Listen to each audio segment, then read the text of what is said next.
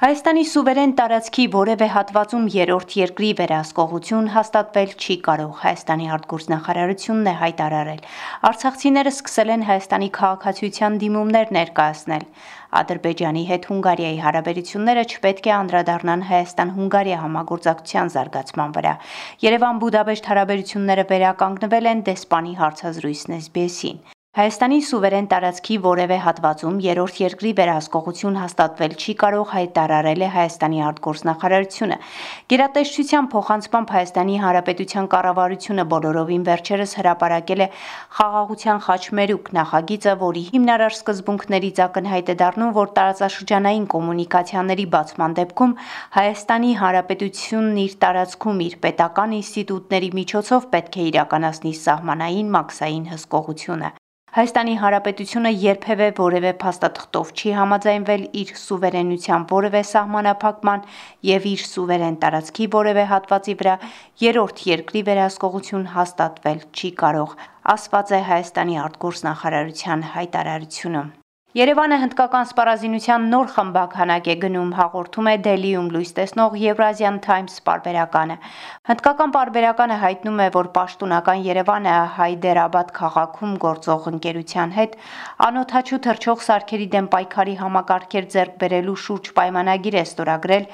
որի ընդհանուր արժեքը ավելի քան 41 միլիոն դոլար է։ Միացյալ Նահանգների դեմոկրատ կոնգրեսական Ադամ Շիֆը բանաձև է ներկայացրել Միացյալ Նահանգների կոնգրեսի ներկայացուցիչների պալատ, որով պահանջել է Բաքվից անհապաղազատ արձակել հայ ռազմագերիներին գերեվարված քաղաքացիական անձանց եւ քաղբանտարկյալներին, այդ թվում Արցախի կառավարության պաշտոնյաներին, որոնք ապօրինաբար կալանավորվել են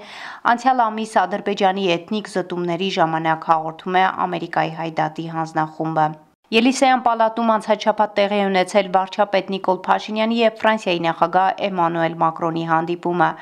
Մակրոնը եւս մեկ անգամ շեշտել է Ֆրանսիայի աջակցությունը Հայաստանին հետագա զարգացման ու արկա մարտահրավերների հաղթահարման ուղղությամբ։ Քննարկվել են Հայաստան-Ադրբեջան հարաբերությունների կարգավորման գործընթացին վերաբերող հարցեր, շեշտվել է Հայաստանի եւ Ադրբեջանի միջև հարաբերությունների կարգավորման հարցում Հայաստանի վարչապետի, Ֆրանսիայի նախագահի, Գերմանիայի կանցլերի եւ Եվրոպայի խորհրդի նախագահի Գրանադայի քարակողմ հայտարարության մեջ տեղ գտած սկզբունքների կարեւորությունը։ Անդրադարձ է կատարվել Լեռնային Ղարաբաղում Ադրբեջանի կողմից էթնիկ զտման քաղաքականության հետևանքով 100 հազարից ավելի բռնի տեղահանված անձանց հումանիտար խնդիրներին, ինչպես նաև հաղթահարման ուղղությամբ Հայաստանի կառավարության կողմից իրականացվող քայլերին, կարևորվել է միջազգային հանրության օժանդակությունը արկա խնդիրների լուծման գործում։ Վարչապետը Փարիզի խաղաղության 6-րդ համաժողովի շրջանակներում Վրաստանի վարչապետ Իրակլի Ղարիբաշվիլիի հետ մասնակցել է համագործակցությունը մրցակցության պայմաններում խաղաղության կերտում եւ ավելի ապահով աշխարհի կառուցում թեմայով պանելային քննարկմանը։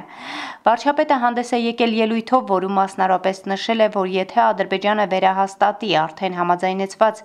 սկզբունքները, ապա մոտակա ամիսներին խաղաղության պայմանագրի կնքումը իրատեսական կլինի։ Հայաստանի պաշտոնյաները այս օրերին եվրոպական ուղղությամբ աշխատում էին եւ Փարիզում եւ նաեւ Բելգիայի մայրաքաղաք Բրյուսելում, որտեղ անցկացվել է Հայաստան-Եվրոպա առաջին համատեղ համաժողովը, մեկ հարկի տակ հավաքված հայ եւ եվրոպացի հասարակական ու քաղաքական գործիչները քննարկել են Հայաստանի իրավական, քաղաքական, տնտեսական ու անվտանգային հարցերը, ապագան եւ հերանեկարները։ Այս միջոցառման շրջանակներում Բրյուսել էր մեկնել Հայաստանի անվտանգության խորհրդի քարտուղար Արմեն Գրիգորյանը։ Երևի նույնիսկ անվտանգության թեմայով մենք նախկինում այսպիսի ինտենսիվ երկխոսություն Արեմուտքի Եվրոպայի հետ երբեք չենք ունեցել։ Իհարկե օրինակելի երկրներ կան, օրինակ Ֆրանսիան, ում հետ ռազմական ոլորտում մենք շատ մեծ առաջընթաց ենք գրանցել, բայց ակնկալիքներ ունենք, որ եւ հավաքական Եվրոպան եւ անհատական երկրների հետ մենք կարողանալու ենք ամրապնդել մեր անվտանգային համագործակցությունը։ Երբ որ ես ասում եմ անվտանգային համագործակցություն, դա միայն նկատի չունեմ ռազմականը, անվտանգություն ավելի լայն կոնտեքստում, նույնիսկ տնտեսական համագործակցությունը կարող է իր ենթատեքստում ունենալ անվտանգության բաղադրիչ եւ ամրապնդել նաեւ Հայաստանի անվտանգությունը։ Հայաստանը պատրաստ է սրան։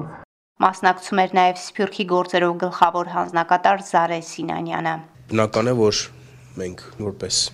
հասարակություն մեզ տեսնում ենք որպես Եվրոպայի մի մասը եւ համապատասխանորեն պետք է դիմենք բոլոր այն քայլերին, որովհետեւ կարողանանք հասնել մեր ցանկալի նշանակետին։ 44-օրյա պատերազմի հանգամանքներն ուսումնասիրող ազգային ժողովի քննիչ հանձնաժողովը նոյեմբերի 13-ին գրավոր նամակ է ուղարկել Արցախի նախագահ Սամվել Շահրամանյանին եւ հրավիրել հանձնաժողով հարցակնության։ Նշվում է, որ նամակն ուղարկվել է Երևանում Արցախի ներկայացություն։ Արցախից բռնի տեղահանվածների քաղաքացիություն ստանալու դիմումներն արդեն ընդունվում են, բայց գործընթացը նոր է մեկնարկել. Ամփոփ վիճակագրություն կհրապարակվի առաջիկայում։